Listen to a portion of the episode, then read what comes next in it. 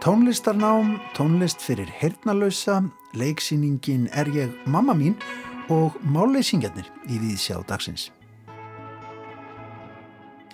Við höfum að huga að gefnu tilefni að tónlistarnámi á Íslandi í Víðsjá í dag. Hildur Guðnadóttir, hún tók eins og kunnugt er við sjálfum Óskarsvellaununum í Hollywood um helgina fyrir tónlist sína við kvikmyndina Joker. Ráðamenn á Íslandi þakka þetta ekki aðeins snild og eljusemi Hildar Guðnadóttur heldur segja þetta líka segur fyrir Íslands tónlistarlíf Og já, þakka þennan árangur meðal annars tónlistarmentun á Íslandi. Við höfum að tala um tónlistarnám á Íslandi, hvað gerum við vel og hvað má betur fara. Gestir þáttarins hér rétt á eftirverða þau Freyja Gunnlaugstóttir, hún er aðstóðar skólastjóri mentaskóla í tónlist MIT og Alli Ingólfsson, tónskáld og profesor í tónsmíðum við tónlistardeild Listaháskóla Íslands. En í dag er dagur íslenska tákmálsins og að því tilipni þá hittum við svisneska tónlistamannin Kurt Júnala á kaffehúsi Reykjavík. Hann stundar meistarnám við Listaháskóla Íslands og rannsakar þar meðal annars hvernig er hægt að miðla tónlist til þeirra sem glíma við heyrnarleysi. Já, mjög áhugavert. Snæbjörn Brynjásson, leikúsrýnir þáttarins, hann fjallar í dagum Leikverkið er ég mamma mín eftir Maríu Reyndal sem frumsynd var í borgarleikhúsinu um helgina en Maríu leikstýrir einnig þessu verki. Það er hvernfélagi Garpur sem setur upp verkið í samstarfi við borgarleikhúsið. Garpur hefur áður vakið aðtegli fyrir verka á borð við Mannasiði og Sólegu Rós, ræstitekni sem hlaut fimm grímu tilnefningar og tvenn grímu verlun árið 2017 fyrir leikrit ársins og leikonu ársins í aðal hluta hlutverki við heyrum meira um þessa síningu er ég mamma mín í Víðsjá í dag. Og bókvikunar á ráseitt að þessu sinni er skálsaðan Málisingarnir eftir Petró Gunnlaug Garcia. Hér er á ferðinni fyrsta verk Petrós, saga sem gerist bæði í Rúmeníu og á Íslandi og segir frá ungu fólki í floknum og um sumt fjandsamlegum heimi. Hlustendur heyra í höfundi í Vísjádagsins. Já, svona verður þátturinn hjá okkur í dag en við byrjum að gefnu tilöfni á því að ræða um tónlistarnám á Íslandi.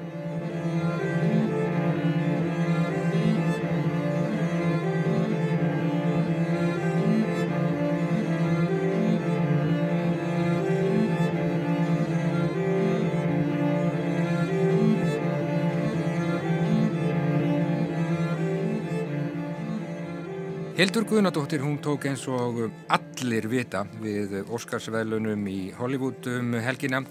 Fyrir tónlist við kvikmyndina Joker, Sigurganga Hildar hefur auðvitað verið með ólíkindum. Þessi Sigurganga er á allra vitorði og um, við þurfum svo sem ekkert að rekja hana hér og nú. Það sem við ætlum hins vegar að gera hér í Víðsjá næstu mínúturnar er að ræða um tónlistarnám tónlistarmentun á Íslandi hvað erum við að gera rétt, eh, hvað eru mögulegar brotalamir, hvað má mögulega betur fara.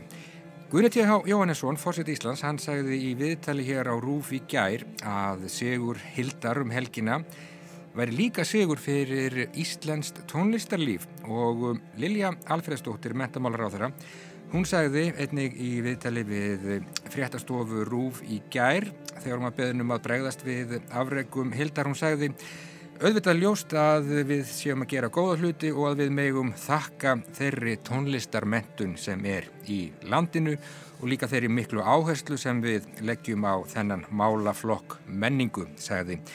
Mentamálar á þeirra, þau eru sest hérna hjá mér, uh, Freyja Gunnlaugstóttir, hún er aðstóðarskólastjóri mentaskóla í tónlist, MIT og Alli Ingólfsson, tónskáld og profesor í tónsmýðum við tónlistardeldi Listaháskóla Íslands. Við ætlum að bregðast við, eh, já, tali um uh, tónlistarmentun á Íslandi og ræða um tónlistarnám, mikilvægi þess og verði og já, hvað erum við að gera rétt og hvað má mögulega betur fara. Velkomin í Víðsjá, bæði tvö hjartanlega, við skulum ekki taka neitt frá Hildi Guðnadóttur og það held ég að enginn hafi nokkurt náhuga á því að gera og það gerðu auðvitað korki Guðni Fósettin í Lilja mentamálar á þeirra. En já, sigur fyrir Íslenskt tónlistarlíf viðurkenning á því tónlistarnámi sem bóðið er upp á hér á Íslandi. Hvað, hvað segir þú við þessu, Freyja?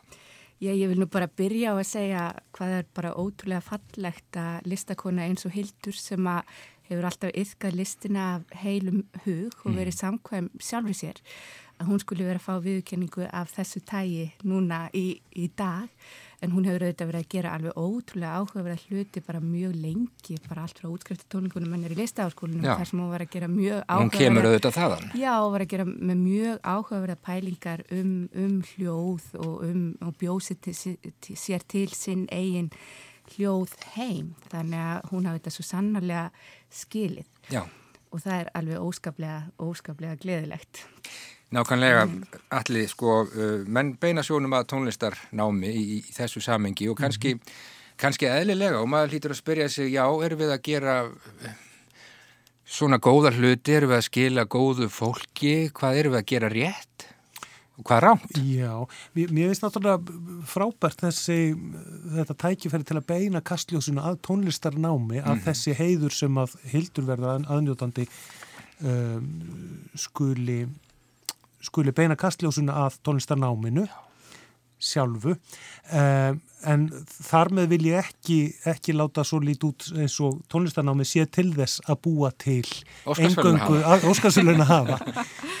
og ég er vegna þess að tónlistarnám hefur gildi í sjálfu sér. Já, og það er vissulega, vissulega ekki bara til að búa til ofurmenni. Það, sko, þegar það fóra stað, það hefur ríkt sá, sá miskilningur að tónlistarnám væri fyrst og eða lengi vel, virtust menn trúa því að þetta væri að menn færi fylunám til þess að búa til koncert, snillinga, snillinga Já, sko. en við erum nú smá saman átt okkur að, eða vonandi doldi langt síðan við áttum okkur á því að það hefur miklu víðara, víðari tilgang. Já. einfallega þetta er hérna í mannrækt tónlistanám er mannrækt Heldur betur. Já, þannig að ég veit ekki alveg hvað við höfum að tala um hérna Eiríkur, hvort við höfum að tala um þá hliðina Mhm. eða þátt tónlistanámsins í velgengni hildar sem er vissulega óneitanleg, óneitanlegur sá þáttur Já, við getum kannski verið með svona, já, verið, verið á hérna, báðum, báðum, báðum slóðum í senn þó að tíminn sé ekki, ekki langur en svona ef þið horfið yfir það bara hvernig við, við sko hugsum tónlistarnám á, á Íslandi árið 2020 er Hildurinn er kannski gott dæmi um það og margir fleiri íslenski tónlistamenn hvernig menn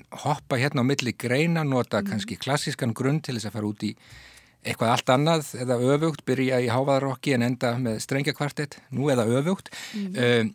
bara til dæmis möguleikar uh, nefnenda á Íslandi í dag til þess að þú skrifaði pistil freyja hér í, fyrir Víðsjá fluttir fyrir hvað, sjö árum síðan þar sem þú bendir á sko, mikilvægi þess að, að nefnendur getur svona já, mótað sitt nám eftir sínu áhuga sviðu og framtíðar áformum. Hvar eru við stödd í, í þessu ferli? Já, fyrst að þú minnst af hennan pistil þá er náttúrulega alveg ótrúlega margt búið að gerast síðan þá, síðan 2013 og akkurat af því þú nefnir þetta að séu margi tónlistamenn sem að virkilega sækja e, sér aðfeng í, í ólíkar stefnur tónlistar þá er stopnun mentaskóli í tónlist náttúrulega gríðarlega mikilvægt skref hvað þetta varðar.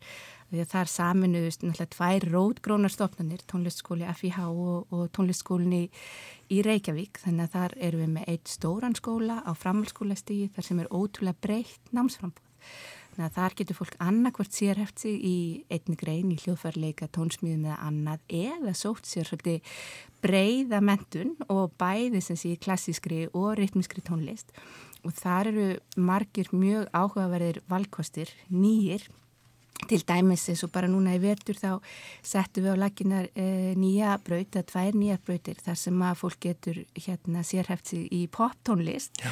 og það er hægt að velja sér sem sé, þú getur sérhæft í lagasmíðum, í ráftónlist, í tónsmíðum eða jafnvel upptökutækni. Og þannig að við erum að fá einn svona svolítið fjölbreyttari nefndahóp heldur en áður. Og það eru miklu meiri möguleikar heldur en hafa nokkuð tíma verið á framhaldsskólastígi að hérna að, að já að bara þetta breyða frambúð sem skólinn eh, hefur yfir að búa. Já, allir þú talar um mannræktina og við getum auðvitað lengi talað um hana. Við vitum alveg hversu mannbætandi það er að, að læra tónlist, læra á hljóðfæri og svo framvegis en við náttúrulega erum með glíu í augunum núna út af, út af nýjastu tíðundum af eh, Hildi Guðnadóttur. Sko geti spurt þig sko við veitum öll um þessa grósku sem hefur verið í tónlist á Íslandi undanförnum árum og bara áratugum og mörgum hefur gengið vel víða, svo ég tala um snillinga aftur. Um, sko, þáttur tónlistar skóla og tónlistar náms í allir í þessari grósku.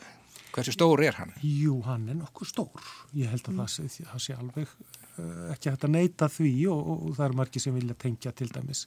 Svo við tölum um, um hérna, þekktu nöfnin, Björgu Guðmundsdóttur sem fyrsta svona uh, heimsfræga af, hérna, afsprengi þeirrar, mm -hmm. þeirrar uh, mentuna sem við höfum notið í tónlistaskólum landsins. Uh, ég heyrði nú á tali eins manns hérna nýverið að þetta væri eitthvað að breytast mm -hmm. það er ákveðin kynslu Björg Guðmundsdóttir, Sigur Rós þetta er, þetta er mjög, að mjög miklu leiti þetta fólk sem hefur náð langt í, í þeim geira uh, er afsprengi tónlistaskóluna, mm -hmm. vissulega þó að það hefði byrjað sagt, í, í klassísku, svo kölluðu klassísku tónlistarnámi þá hafði það einfallega, fekk það einfallega þennan grunn sem gerði kleift að, að þróska sig á miklu breyðari breyðari vellið eftir eigin, eigin smekk en hérna Uh, mér hefur aðeins sko virst og ég, það vakti mig til umhugsunar uh, hvort það var ekki Gunnar Smári Eilsson sem að nefndi það hér í útvarpinu uh, viðræði þessa hugmynd að þetta væri að breytast og að nýju kynsluðirnar að, að aðgangur að tónlistarskólum virðist hafa minka, sérstaklega á höfuborgarsvæðinu Nákvæmlega Já, það er bara staðreinda að byggðlistanir eru mjög langir eru í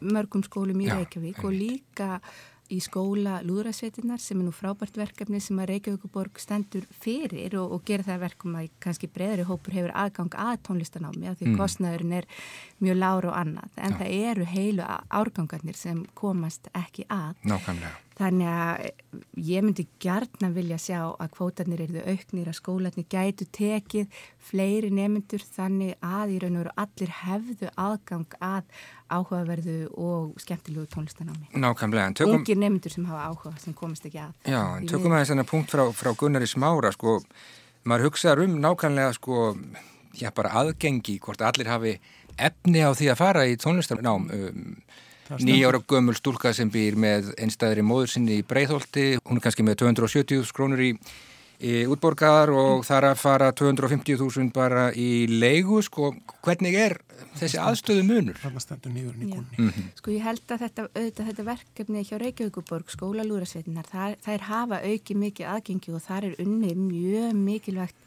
bara uppeldis starf í tónlist en það er ekki nóg sko, þau fá ekki ekki, ekki nóð þau sem sína á, mikið áhuga og svo leiðist þannig að ég held að það er að vinna þetta í samstarf við tónlistarskólana mm -hmm. og þau gætu haldið áfram og, og fengi meiri kænslu Já, við erum kannski að missa af einhverjum snillingum svo ég tala nú enn og aftur um snillinga við, við skulum líka nefna aðstöðumunina með að við höfðborgarsvæði Já, ég ætlaði með að nefna það líka. Við skulum nefna skólagjöldin, Já. það er um 150.000 krónur fyrir barn á höfðborgarsvæðinu að stundan ná, fyrst nám við tónlistarskóla. Og það skiptir máli fyrir einstæðamóður í bregðaltunni eins og þú talar um. Út á mm. landi er þetta í kringum svona 95 til 100.000 kannski. Og það verður að segja að mörg bæjarfjölu hafa staðið sér gríðarlega vel og byggt glæsilega yfir skólana og þetta er virkilega svona stór partur af bæjarlífinu, starfsemi tónlistaskólana og virkilega mikilvægt fyrir menningarlífið á hverjum, hverjum stað. Já, erum við að tala þarna um svona helstu brotalamirnar eða hvað þarna er sannlega poturbrotin?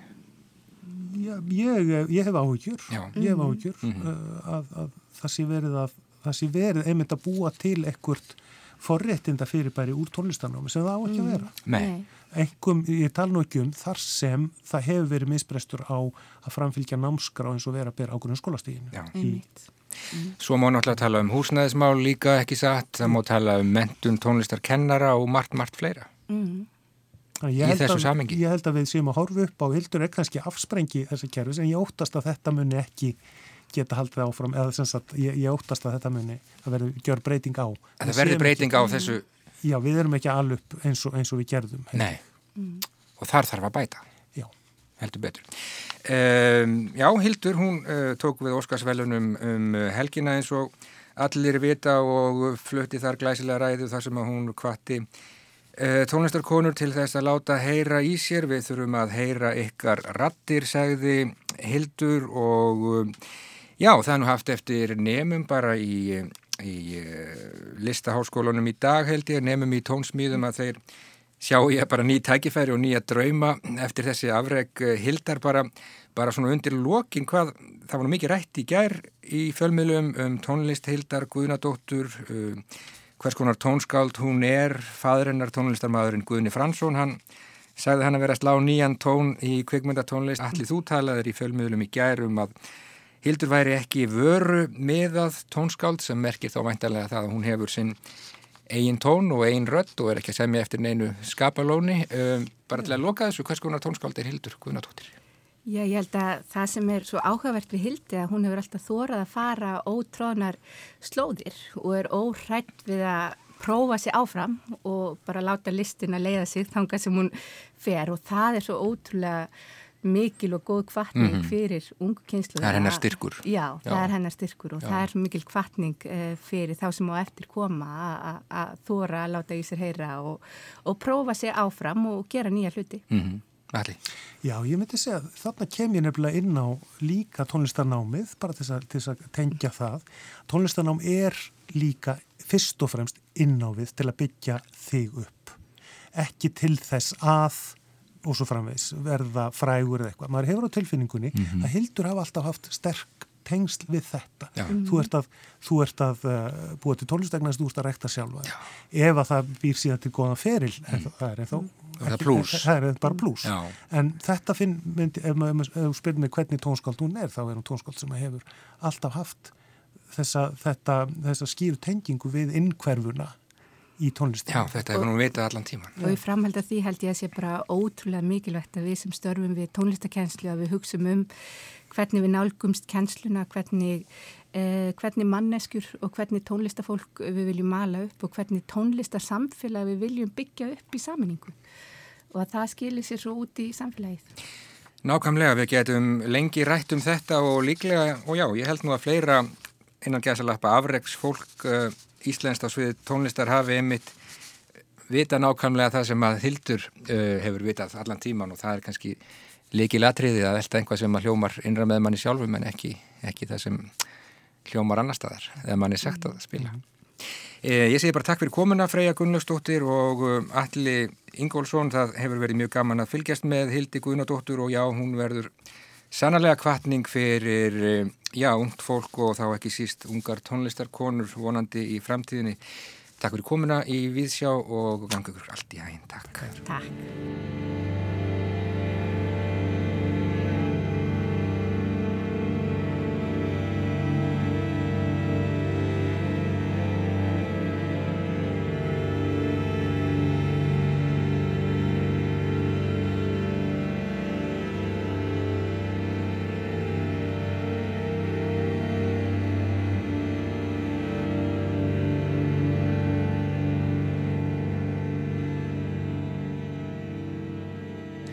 Já, þá einir fallegir tónar Hildur Guðnadóttir og Light eða ljós af um, plötu hennar Mont A frá árinu 2006.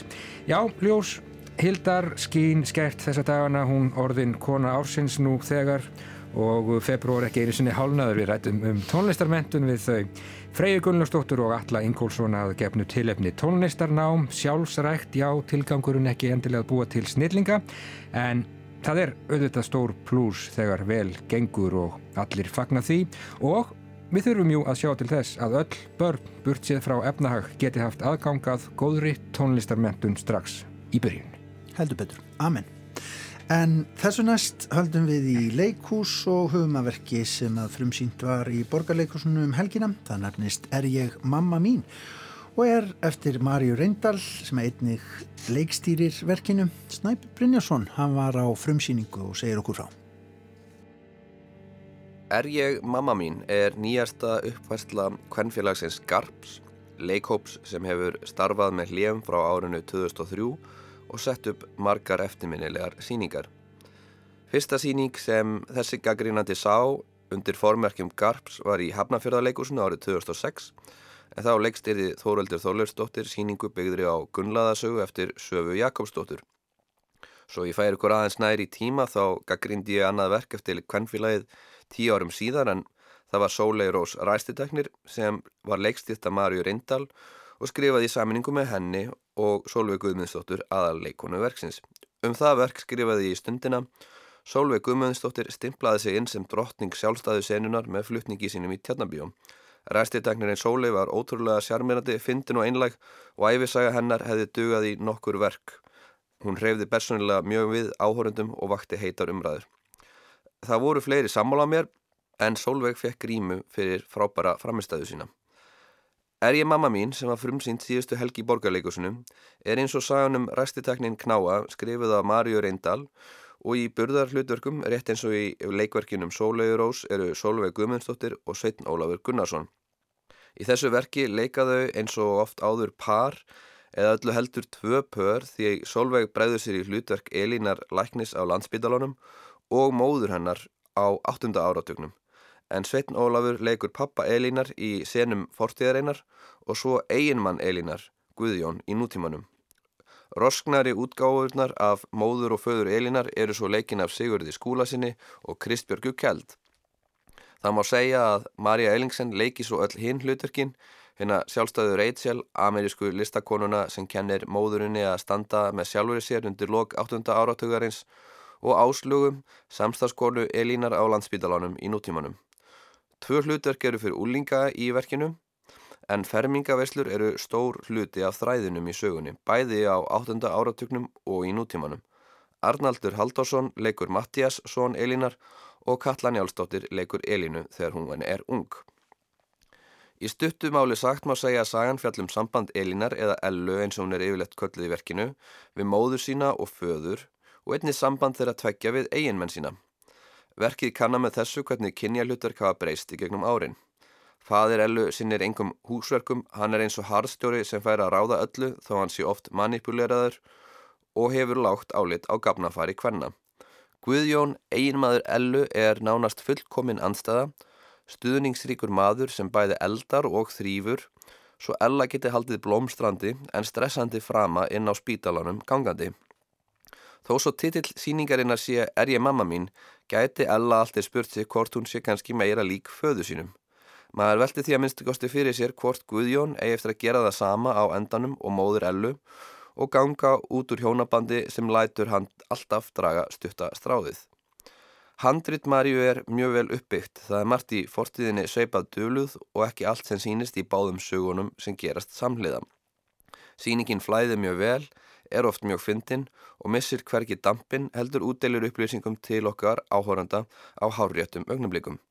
Þó fannst mér ókostur hversu tvívíð persónusköpunin gatt stundum verið. Verkið er tragíkomindea og personurnar á mörgum skópstælinga en karlpersonurnar eru ofta bar með þess að verða ótrúverðuar vegna þess hversu eilmfældningslegar þar eru. Það er þó ekki hægt að segja annað en að Sveitn Ólafur og Sigurður gerir gott úr þeim efniðið sem þeim fá. Þeir standa sér mjög vel og það sama má segja um hina leikarana líka. Krispjörg Kjeld var gífulega fyndin sem ráðrika móðurinn, hrættum að missa sjálfstæði sem hún þurfti að berjast fyrir alla æfi við það að vera neitt í þjónustýbúð. Og Marja Ellingsen er mjög fín sem samstagskona Ellu en talsvert meira spennandi þegar hún setti á sig hattinn hennar Rachel. Sólveig Guðmundsdóttir er að mínu mati einn besta leikona á Íslandi í dag. Það er alltaf gaman að sjá leikara reyna á sig og svo ákvörðun að láta hana og Svein leika tvö mismunandi pöra á tveimur tímabilum var mjög góð. Þó að það sé að einhverju leiti komist að sjá Svein verða 8. áratugs pappa með því að bæta við sér bumbu og Sólveig með því að vefja grænum kjól utan eins í flíti. Þó má segja að það breytingar gangi snurðurlaust og gerir síninguna nokkuð skemmtilega. Umgerðverksins er líka vel hefnuð. Tónlistin hjá Ulfi Eldjárn og sviðismynd Egil's Ingibergssonar gefa verkinu þann ramma sem það þarf. Það kemur vel út að hafa alla sviðismunni hanganda á vekkjum, svo sem glös, diska, myndir og tablborð. Það var mikið leið og síningin uppskar mikið loaklapp sem hún átti að mestuleiti skilið. Stundum fannst mér tekstinn stafa full mikið ón í mig Í gegnum leikritið heyru við Karl Rembulög Viðhorf pretikuð úr útvarpinu yfir hausamótonum á personum verksins. Verkið hefst á tilvitnunum í Rósu Ingólstóttir og Hannes Holmstein þar sem talaður um að konur hugsi hringi og karlar í línu. Hjákallu Viðhorf en einhvern veginn fæ á tilfinninguna sér í lagi eftir að var síðan lokalag síðasta áramótasköps að næmar og pólitíst tengjandi listamannsálir séu að gefa Hannesi allt og mikið pláss í höðun á sér á tímum þar sem skoðanir hans hafa ekkert vægi. Leikrit Marju kemur punktum sínum vel til skila, síningin er skemmtileg, fyndinn og vel leikinn og önnur ratur eins og tónlist, búningar, leikmynd ganga upp. En ég fæ ekki komist hjá því að velta fyrir mér hvort að það hafi ekki verið kafað nógu djúft. Hjónaband pappa og mömmu við upphaf nýjunda áratúris var sennilega döðadæmt um leið og mamman fekk snefil af sjálfstrustinu sem þurfti til að standa á einn fótum en það er margt ósvarað með hjónaband Ello og Guðjóns. Eru þau hamingjusum eða er þeirra samband jafn döðadæmt? Við fáum kannski aldrei að vita það.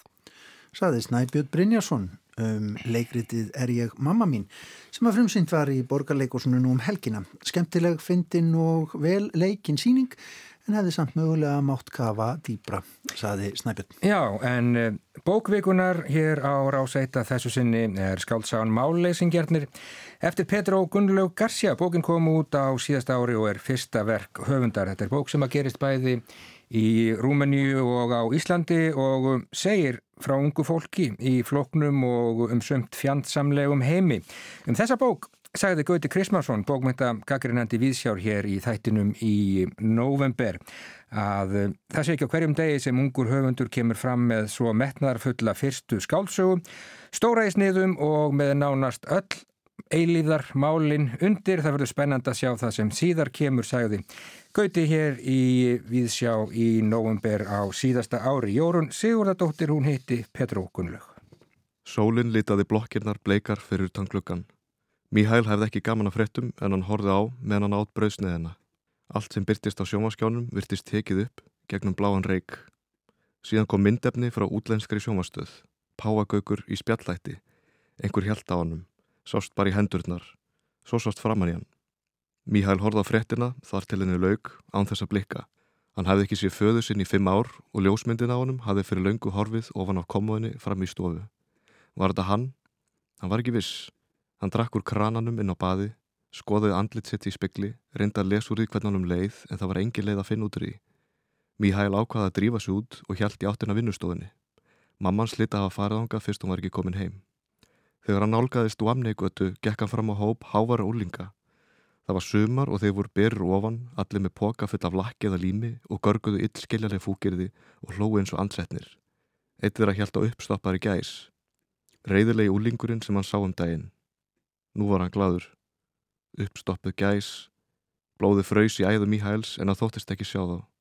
Gekk fram hjá eins og þau skipta hann engum máli. Um leiðu þeir voru úr auksín, tók hann á rás og hljópa eins hratt og hann gatt upp dvamnið í götu. Dyrnar að vinnustofni stóðu opnar. Honum fannst hann sökva ofin í malbyggið. Það hefði verið brotist inn, en samt ekki. Hann hafði skili liklan eftir í skránni. Hann kvekti ljós, gekk yfir mölbróti gler. Það var enginn þarna inni lengur en allt var í rúst. Það hafði verið rótað í öllum skápum, verkfæri, horfin af rekkunum. Tárin byrjuði að leka niður kinnarnar. Mamma verið brjáluð. Allt var ónýtt. Eitthvað hafði komið fyrir auðrefin. Trínið hafði verið mölvað.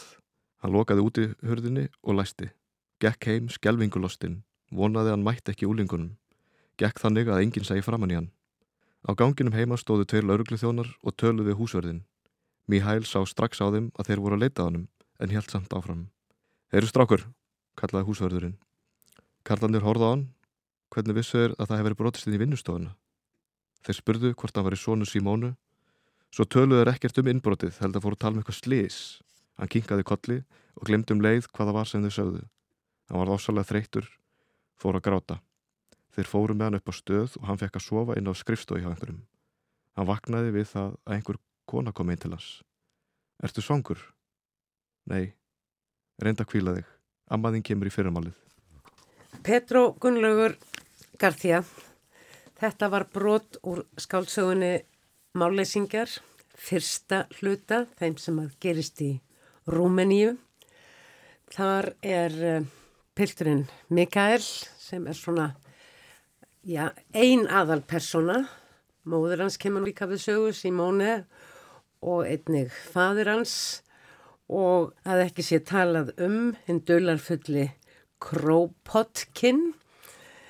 Það er einlega ekki gott að lýsa þessari sögu. Hún er löng og mikil og gerist á löngu tímabili frá 1990 til 2019. Hvernig lýsir þú henni?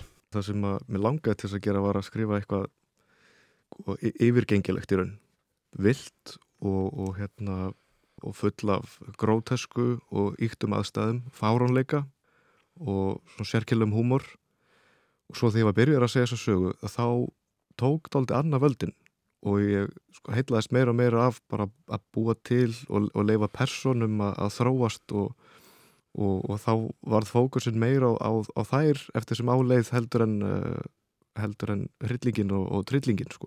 En uh, svo endaði þetta sem bræðingur af, af þessu tönnu.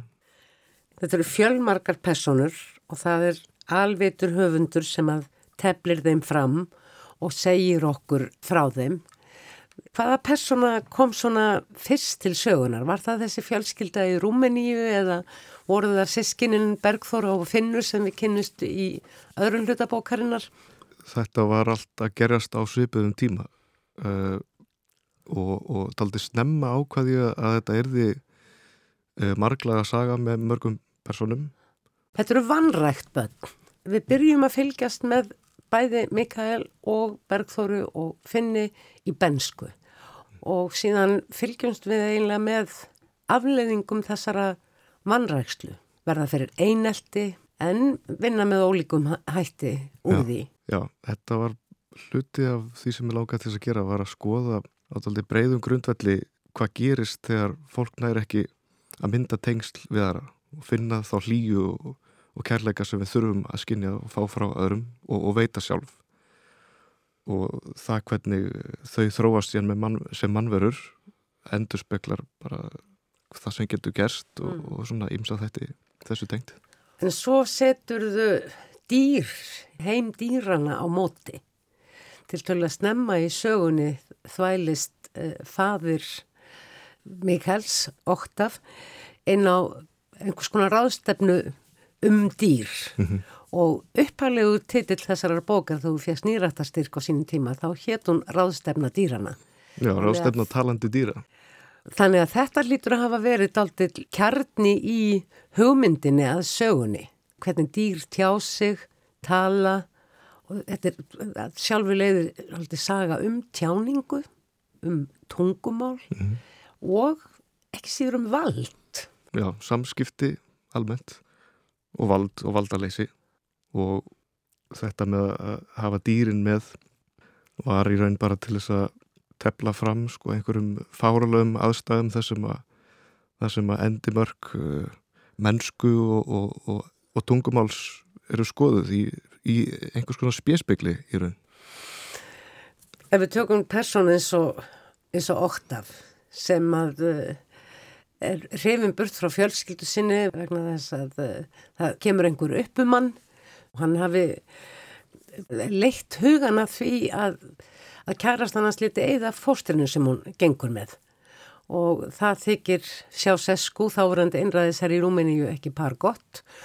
Bara hreinlega bannað. Og í kjölfarið kemstu upp um andóstarsemi, hann lendir í fangelsi, hann kemur út úr fangelsinu og það er raunni hann sem að fyrir undarlega tilviljun þeirra staðrendar að undir Búkarest er fullt af neðanjörðagöngum, hrapar eilofun í jörðina og inn á þessa dýraráðstefnu. Þetta er svona lísi undralandi tilvísun. Já, Var, með þetta, svo? já, um sund, sko, þessi göng eru til í raun og veru, en sagt, já, þarna fer frásögnin sagt, frá því að vera daldi blákaldur en samt svona já, nötulegur veruleiki en hann fer þarna, finnur þessi göngi yfir í aðra veruld og þá e, þá sagt, fer frásögnin bara á annan stað sko og hún fer að takast á við svipu þema nema e, undir áhrifinu getur kallað að taura raun segis eða, eða bara í raun e, absúrdisma og surrealisma frekar núna mm. en eitt af þessum afal þeimum bókarinnar það er þessi sko, þörf á að sjá inn í huga annara og, og skilja. Uh, og, og form bókarinnar endur spekla það reyndadöldi líka sko. hún er að reyna að horfa inn í, inn í huga ótal persóna sem að hérna, skiljast ekki alltaf. Það er einmitt þessi samlíðan eða einlega skortur á samlíðan sem bókin fjallar um út í gegn. Já, eins og kemur fram í hugleðingum Kropotkins mm allir eiga sitt ríkulega innra líf og, og, hérna, og hugsanir sem að miðlast ekki nema mjög, mjög ófullkomna hætti til annara og það verður þá oft þessi mikla gjá á milli og, og sérstaklega fólk sem að á að standa sem næst hver öðru. Og það var, var sprettum margt úr þessum texta. Þú tekur í rauninni fyrir já, bara all flest samfélagsmein hatur gegn konum mis, miskilingur á, á feminisma, hatur gegn muslimum stórmáli kommentarkerfinu gegnum gangandi og svona margvíslegar uh, þjóðfélagsumræður, engavæðing heilbriðiskerfisins líknar döði, gefa lífari sín eftir döðan, klámvæðing og eineldi. Það er mjög gegnum gangandi og sjálfsjálfinu, hún fær líka sett. Já, ég verða ekki að það, ég, ég fer niður í hinn eðra, sko, niður í kommentarkerfin, hérna, það er mikil mannlífstúti að sko, skoða það. Þér tekst á eh, endanum eftir að hafa sagt okkur sögu Mikals og fjölskyldu hans og síðan í öðrun hluta sögu Finns og, og Bergþóru og þeirra fjölskyldu. Allt eru þetta ólingar í byrjun, svona stálpaði krakkar en eru síðan svona að fullornast eftir því sem að líður á þessa kabla og í síðasta hlutanum tekstir svo að binda þetta allt saman. Vissurðu frá upphafi hvernig þú ætlaði að binda þetta saman? Já, já, já. Hérna, það er eitthvað sem að ég var með alveg frá upphafi, sko. Var sem sagt enga rekna sjúkrahúsið alltaf ákveðin hluti af sögunni? Já, það, það var... Líknar döða, upplifunar upplifunarhagkerfið er eitthvað sem að mér finnst aldrei skondið og endur spekla mjög vel samtíman. Þegar uppi staðið þá endar þetta með einhvers konar allserjar slátrun en einhverju lifa af en maður spyr sig kannski í lokin uh, til hvers. Þetta er ekki fallegur heimur sem þú ert búin að lýsa fyrir okkur. Nei, þú myndist á þann á, á sjálfshjálpina og, og þau fræði að það er hérna persóna sem að fær orði í, í lokin uh, sem er kannski eina personan sem er að reyna að bæta sig og leita allra leiða til þess að rekta sjálfan sig og, og, og samskiptið sín við aðra. En ég er ekki vissum að þetta sé samt hafmyggjusamur endur vegna þess að það er þarna þessi gjá er ennþá til staðar og, og þannig endar þessi bók sko Sagði Petru og Gunnlaugur Garcia höfundur skáldsögunar Málleysingjernir í viðtali við Jórunni Sigurdardóttur. Þetta er bók vikunar hér á rásæta þessu sinni. Gestur Jórunar í þættinum á sunnudags morgun verða þau Þórun Hrefna Sigur Jónsdóttir, bókmyndafræðingur og Björn Haldórsson, rítufundur. En í dag, ágættur hlustendur, er dagur íslenska tákmálsins og ekki síst þess vegna skulum við nú leggja vel við hlustir kannski fyrst og fremst vegna þess að við getum það jú.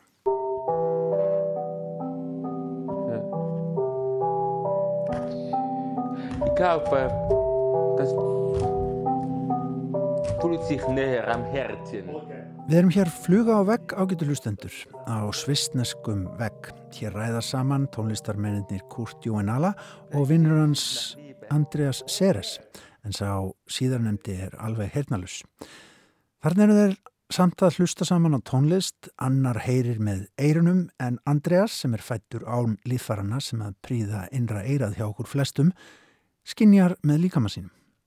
Kurt Júanala er hins vegar í dag nefandi hjá Listaháskóla Íslands á meistarastígi í námslínu sem kendir við sköpun, miðlun og frumkvöðlastarf í tónlist. Og hann er upptekinn af tilrunum sem að miða því að miðla tónlist til þeirra sem að ekki heyra. Í dag er dagur íslenska tungumálsins. Við hér í Vísjá heyrðum af þessum tilrunum og hittum Kurt Júinala og fengum hann til að segja okkur frá.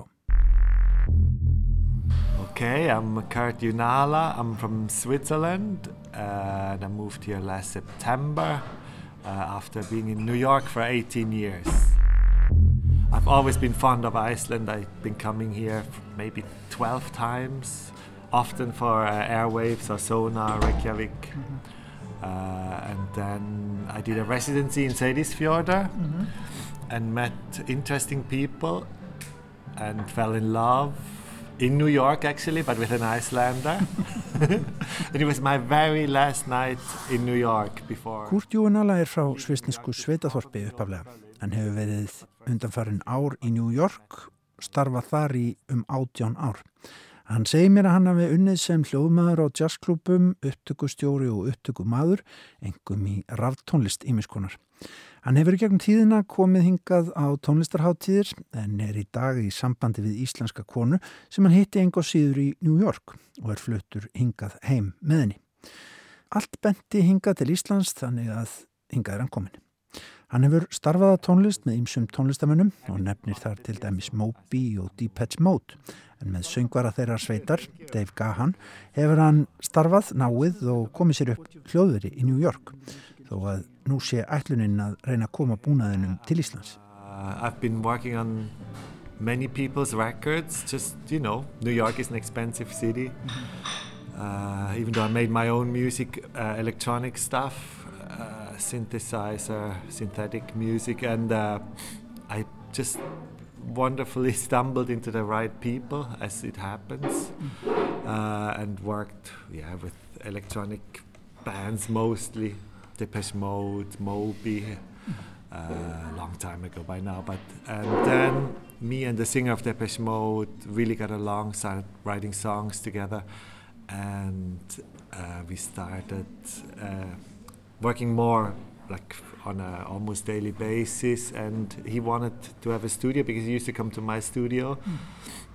But I shared with someone who was very busy as well, so it just too many time clashes. So now uh, we actually share a studio in like he it's unaffordable to buy so he, he bought a place where i could more or less set up the studio mm-hmm. for us to use but now that i'm living in iceland that's of course a thing of the past mm-hmm. so i have to figure out how to bring my machinery over here mm-hmm. En hvernig fættist hugmyndin að því að fara að gera tilraunir við miðlun tónlistar til þeirra sem að ekki heyra? Um, it all came from uh, playing a concert in Switzerland last summer and my brother came to hear it and it was outdoors and it was very very very uh, large amplification system uh, it was for a techno festival and i saw this one person by the subwoofers and it was extremely loud yeah.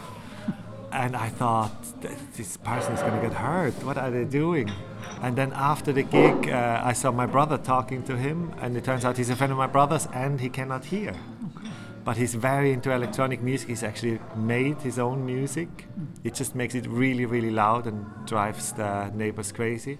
Jú, þar sem Kurt Jónala var að spila á tónleikum í Sviss í miklum háaða eins og vil verða í tónlistinni sem hann leggur stund á, tók hann eftir manni sem stóð alveg upp við látíðinni hátalarana á svæðinu. Það reyndist þeirra Andreas Seres sem ekki getur heyrt eins og við hinn, en hefur samt áhuga á ráftónlist og gerir hana jafnframt sjálfur mjög hátt þannig að nágrannarnir er að ærast.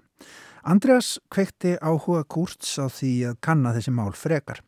Hvernig virkaði tónlist fyrir mann sem að skorti allt gangverk innra eirans, hafði engan hamar, stæðja eða ístað, engan kuðung, ekki neitt.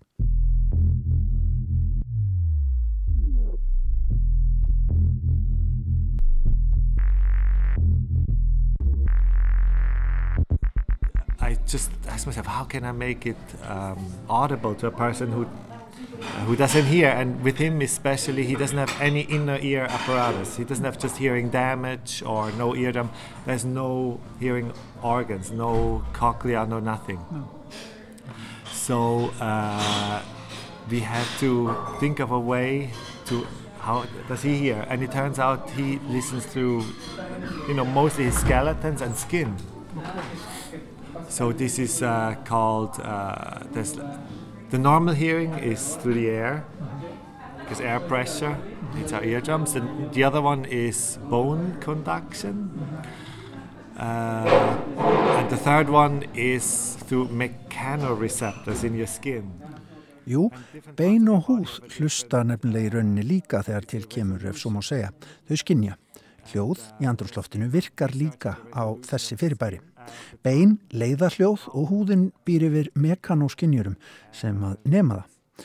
Ólíkir líkamslutar hafa í raun mismunandi upplaust nefn svo má segja, nefnir Kurt við mig. Kurt leit líka til leikjamenningarinnar. Þar notast sumir við svo kallan böttkikkar, við skulum því það bara rassasparkara, því það er svo gaman, en sútækni leiðir lágar tíðnir þannig að líkaminn finnur fyrir þeim þarna er výbringi miðlað án hljóðs því að það er í rauninni á ferð hluti hátalara án keilunar sem venjulega miðlar hljóðinu til okkar. So then I found this, uh, this device called butt kicker. And it's this vibrational thing that gamers use often okay. for online for gaming, and it just vibrates more or less. It's basically the speaker magnet, the coil, uh -huh. if you remove all the paper. Kurt segist þá komist að því að best væri að koma hljóði til skila með þessum hætti með mörgum hljóðrásum. Þannig að hann hofst handa við að smíða tilröðnútgafu, allt og hávara, af fjórarása stól til að miðla tónlistinni til þeirra sem ekki heyra. From talking with this deaf person in Switzerland I felt it was needed that it has to be multi-channel so not just the whole sound spectrum to one one transducer because that's very messy of course mm -hmm. as uh, we know we have most hi-fi speakers have many you know three-way two-way mm -hmm. there's a tweeter and a woof so I made a four-channel chair for him Uh, that was the first version. Mm -hmm. And I tried it with him. I brought it to Switzerland.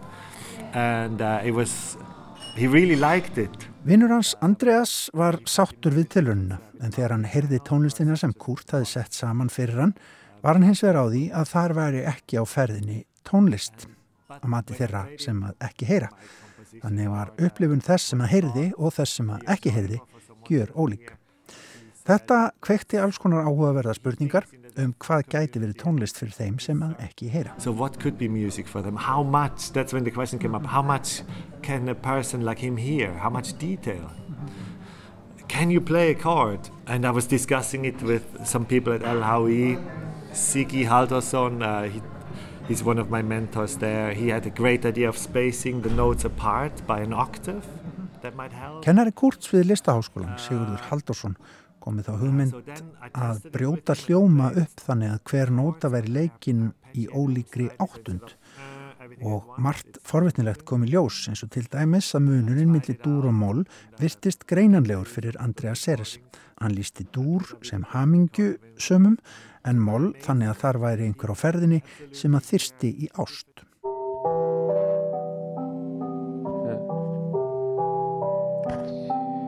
Ég gaf Das tut sich näher am Herzchen. Okay, dann bleiben wir hier. Und das ist das andere? Vielleicht Sehnsucht nach Liebe. Okay. Okay, jetzt. En Kurt bendir á að þarna sé auðvita aðeins ein manneskja á ferð það sé ekki alveg margtækt mingi og í sumar langar hann að stækka hópin, gera breyðari könnun á viðbröðum fólks við þessari miðlun tónlistar.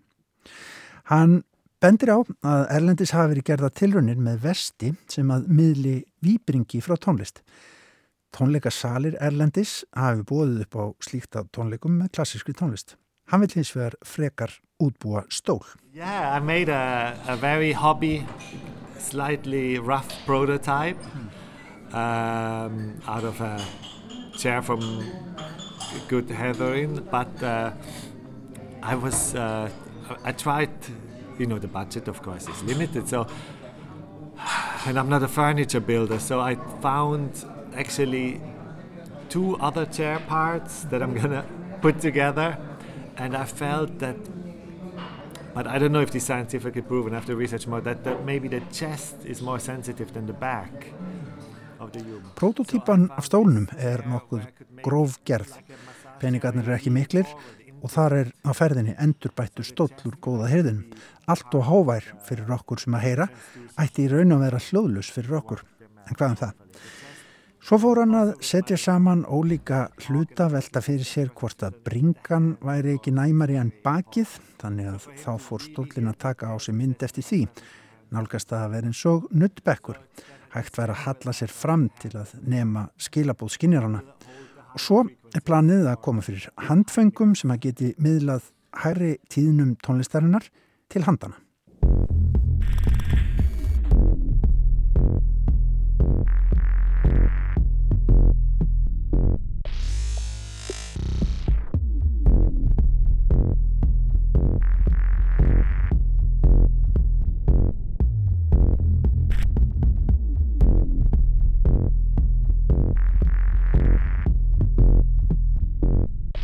Hér undir hafa hljómað inn á milli tilrauna bútar sem að Kurt hefur meðhandla þannig að við heyrum þá.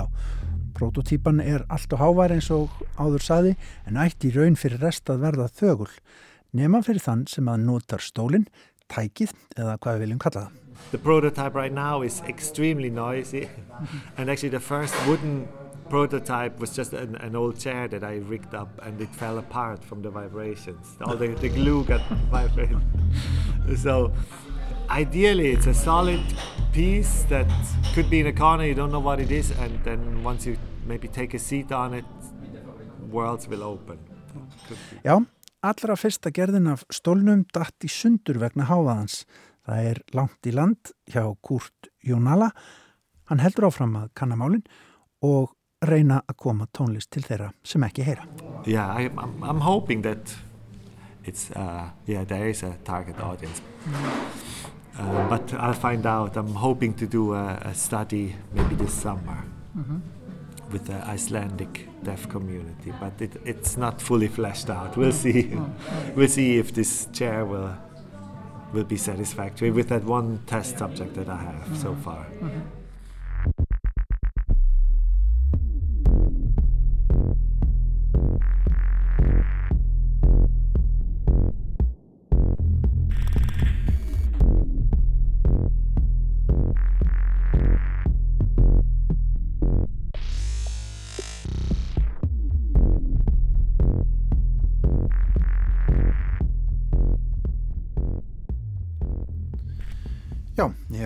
Þarna hafi ekki hátalarnir í litlu útastækjunum ykkar hlustendur góðir gefið sig eða bílarnir ykkar, já, skröld bara eili sundur vegna výbringsins í bassanum. Við rættum þarna við svisneska tónlistamannin Kurt Jónala sem að hugar að aðferðum til að koma tónlist til þeirra sem að ekki heyra í meistarnámi sínu í Listaháskóla Íslands. Já, það er mjög fallega hugsað en þetta er hörku spaði þessi Kurt Jónala, Deepest Mode, Beck og fleira. Já, já, búin að vinna með hinnum að þessum já. og hérna, verður örglega flott viðbót í Íslands tónlistalífi. Ég veit að íslenski tónlistamenninu já, nú þegar farnir að sækja í samstarf. Já, lætur gott af sér leiða en við erum kominir á leiðarenda í dag, verðum hér aftur á morgunlust eftir klukkan fjögur. Þökkum bara samfélgina. Verðið sæl. Verðið sæl.